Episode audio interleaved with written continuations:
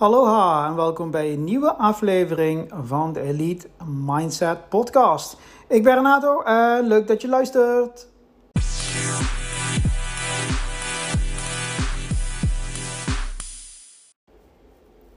Zo, ja, leuk dat je luistert. Dit is aflevering 35 alweer. En het is deel 2 van het drieluik, uh, waarbij ik inga op uh, ochtendroutines, avondroutines en slaap aan zich. Um, ja, en, uh, de vorige aflevering van de Elite Mindset podcast ging over de ochtendroutine. En de dingen die we daarin behandeld hebben, die ervoor kunnen zorgen dat je optimaal van je dag kunt genieten en optimaal je dag als het ware kunt leven. Um, en, in deze aflevering gaan we kijken naar de avondroutine. En dan heel specifiek, net voordat je naar bed gaat. Een aantal tips en tricks. Uh, de wetenschap erachter, uh, et cetera. Dus ja, leuk. Let's go. Oké, nou natuurlijk voordat je naar bed gaat. Ehm, de dingen die je doet, de dingen die je niet doet, die zorgen ervoor dat je optimaal aan je nachtrust kunt beginnen. En over de nachtrust en slaap in het algemeen gaan we in het derde deel van dit drieluik gaan we daar verder op in. Maar de avondroutine ja, heeft natuurlijk een aantal elementen die ook in de ochtendroutine tegenkomt. Um, en ja, laten we, die, uh, laten we die eens gaan bespreken. Allereerst, wanneer en wat is die avondroutine? Eigenlijk um, gaan we vooral in op het laatste gedeelte van de dag, dus net voordat je naar bed gaat.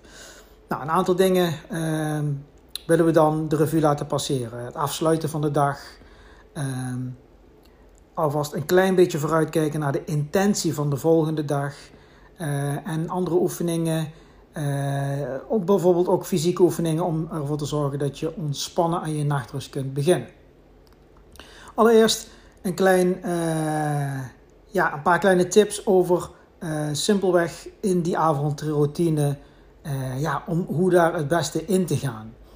Ik denk dat iedereen wel weet dat, ja, dat heel veel schermen kijken voordat je uh, in slaap valt, of voordat je gaat slapen, ja, wordt gezien als niet optimaal voor een, een, een hele goede nachtrust. En daar zijn allerlei onderzoeken naar gedaan. dus blauwe schermen voordat je gaat slapen. Ehm, zo veel mogelijk beperken. En dan denk je van, ja, wat moet je dan doen? Nou, je kunt bijvoorbeeld uh, een boek lezen uh, uh, en andere leuke fysieke activiteiten tussen de lakens, waardoor je ehm, je eigenlijk optimaal voorbereidt op zo'n nachtrust. En die blauwe schermen, daar wil ik wel iets over zeggen. Hè? Dus blauwe schermen zijn dus beeldschermen. Hè? En um, het is de laatste tijd natuurlijk veel, er wordt er veel over gepraat, uh, omdat mensen met hun telefoon uh, in bed gaan liggen en daar constant op zitten te turen, op zo'n klein schermpje, en waardoor ze daarna slecht in slaap komen.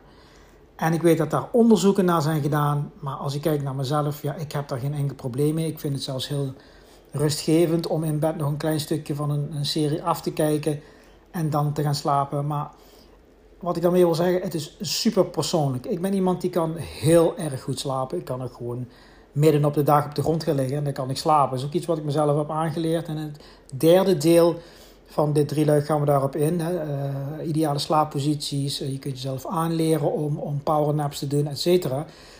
Maar dus het schermen kijken voordat je gaat slapen zoveel mogelijk beperken is heel uh, persoonlijk. Het heeft, ja, en dat is met alles natuurlijk. Maar het wordt echt bijna gepreached. Hè? Um, zo min mogelijk schermen kijken, zo min mogelijk jezelf eh, blootstellen aan schermen voordat je gaat slapen, omdat het dan je nachtrust minder optimaal zou maken. Um, nogmaals, neem het met een korreltje zout, maar ik denk dat iedereen wel uh, vanuit gezond verstand kan indenken dat als je bijvoorbeeld gaat lezen of iets anders gaat doen, een wandeling net voordat je gaat slapen, dat dat gewoon uh, over het algemeen bevorderlijker kan zijn voor een betere nachtrust. Zeker als je daar al moeite mee hebt. Als je moeite hebt met inslapen en zo. Ja, dan zou ik inderdaad geen actiefilm gaan kijken op je telefoon. 12 centimeter van je ogen af voordat je gaat slapen. Oké, vier tips, net zoals bij de ochtendroutine, dingen die je kunt doen. Nou, de eerste is natuurlijk, je voelt al aankomen, journaling. volg je de Elite Mindset Journal, hè, de, vul je die in elke dag. Of misschien heb je een andere journal of gewoon een schriftje.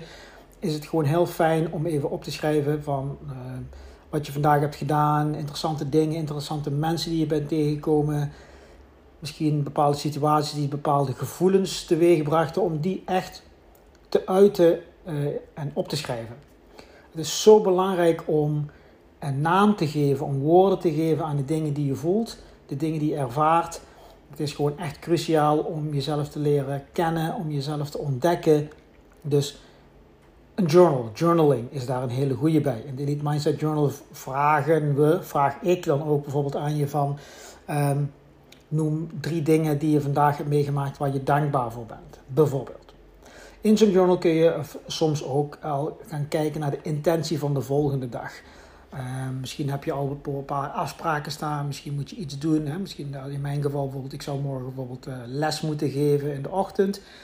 Nou, dan is mijn intentie voor morgen is om uh, de beste les neer te zetten die ik kan neerzetten. Dat, heb ik, dat is altijd mijn intentie als ik een crossfit les. Um, maar in ieder geval om in die intentie ook daadwerkelijk uit te spreken en, uh, en op te schrijven. Maar het kan van alles zijn. Eh, nogmaals, het is optioneel. Hè? Maar sowieso zeker wat ik zou doen is om de dag af te sluiten um, door middel van een journal of in ieder geval iets op te schrijven, waardoor je die dag ook gewoon uh, nog eens in de revue kan laten passeren en bijvoorbeeld kijken waar je dankbaar voor bent. Of misschien zijn er dingen gebeurd waarvan je echt iets denkt van oké, uh, ik ben op een sollicitatiegesprek geweest of ik had een, een, gesprek met iemand, hè, dat dat nou een positief of een negatief gesprek is dat je in ieder geval opschrijft van wat, je daar, wat dat teweeg heeft gebracht bij jouzelf. Dan moet je namelijk zelf gaan nadenken en bewoordingen gaan geven aan hetgene wat je voelt of hebt ervaren. Dus dat is tip nummer 1, uh, eh, journaling. En tip nummer 2 is lezen, het lezen van een boek. Uh, alle vormen van boeken, of dat nou uh, fictioneel is, fictie, sorry, fictie of non-fictie Maakt niet uit. Lezen is sowieso een hele goede bezigheid. Hè? Ook om je hersens te stimuleren. Uh, maar ook gewoon om tot rust te komen. Je leest letters op een bladzijde. Er komt geen straling vanaf. Um, kan heel rustgevend zijn. Um, en veel mensen die nu misschien luisteren, denken: ja, maar Renato, ik lees nooit. En daarom ook meteen, het is ook een geweldige bezigheid om jezelf weer aan te leren. Want je jongens heb je waarschijnlijk meer gelezen dan nu. Nu is dat. Uh, ja, bijna een uitzondering geworden. Er zijn veel meer mensen die wel, en meer mensen die niet lezen, hè, boeken lezen, dan wel. Dus het is een hele goede en rustgevende bezigheid. Zeker voor bijvoorbeeld in bed, net voordat je geslapen is, maar een paar bladzijden. Een hele goede bezigheid. Wat ik er ook nog bij zeggen als, uh, als grote strip, stripboeken fanaat. Dat het hoeft geen leesboek te zijn als zijnde alleen maar letters. Het kan ook uh, een stripboek zijn. Er zijn heel veel stripboeken voor volwassenen. Ik ben zelf gewoon, ik lees alles, ik lees allerlei stripboeken. Maar je hebt uh, van Marvel tot DC, maar ook gewoon allerlei graphic novels. En ja, er is ontzettend veel op het gebied van stripboeken. Dat is echt een hele wereld aan zich. Maar uh, misschien vind je dat leuker dan gewone boeken. En het komt op hetzelfde neer.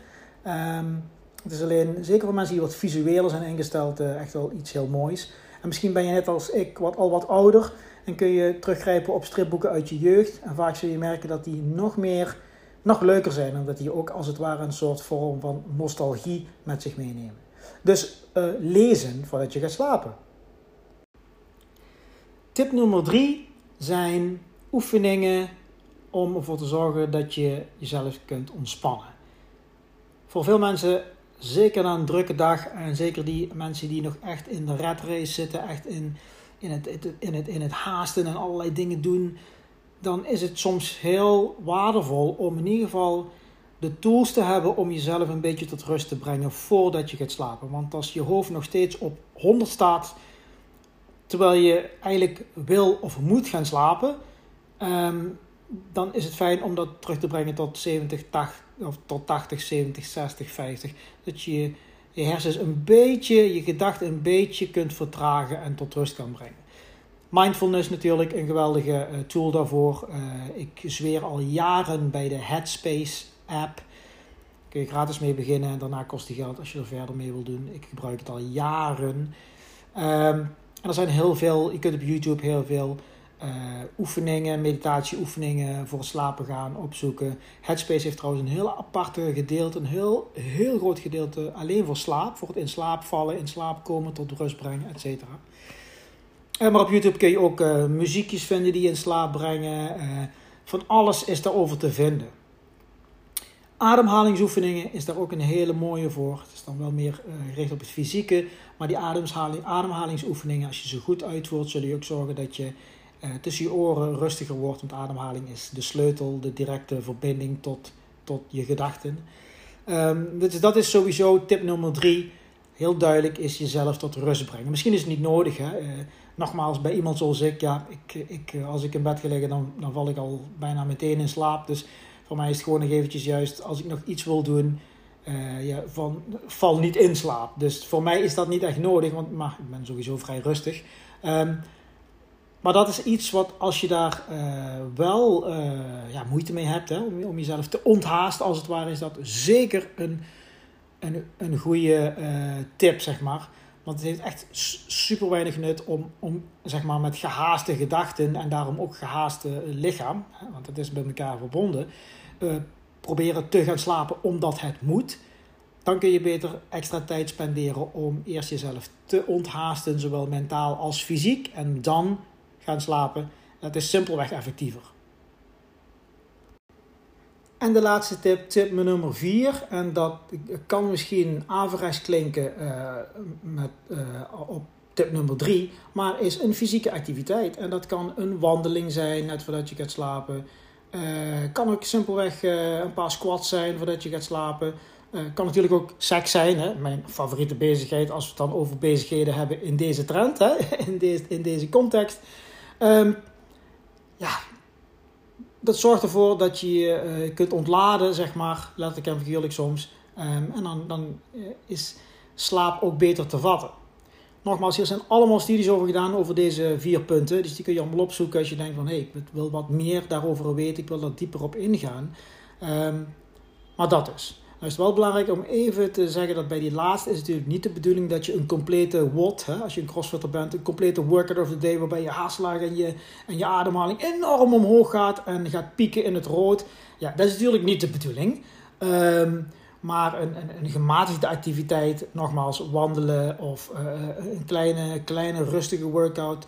Stretching is geweldig. Stretching en ademhalingsoefeningen, stretching routine. Um, zou daar geweldig bij zijn. En um, ja, seks bijvoorbeeld. Hè? Dus allemaal fysieke activiteiten die voor het slapen gaan jou kunnen helpen om beter in slaap te kunnen vallen. En ook gewoon meer profijt te kunnen hebben van je slaap. Nogmaals, de slaap op zich en de dingen die je daarin kunt meten met allerlei tools, daar gaan we het in het laatste deel van dit drieluik over hebben. Maar dit waren dus de vier tips van een avondroutine die ervoor kunnen zorgen dat je uh, uh, meer uit je slaap haalt of simpelweg jouw nachtrust optimaliseert.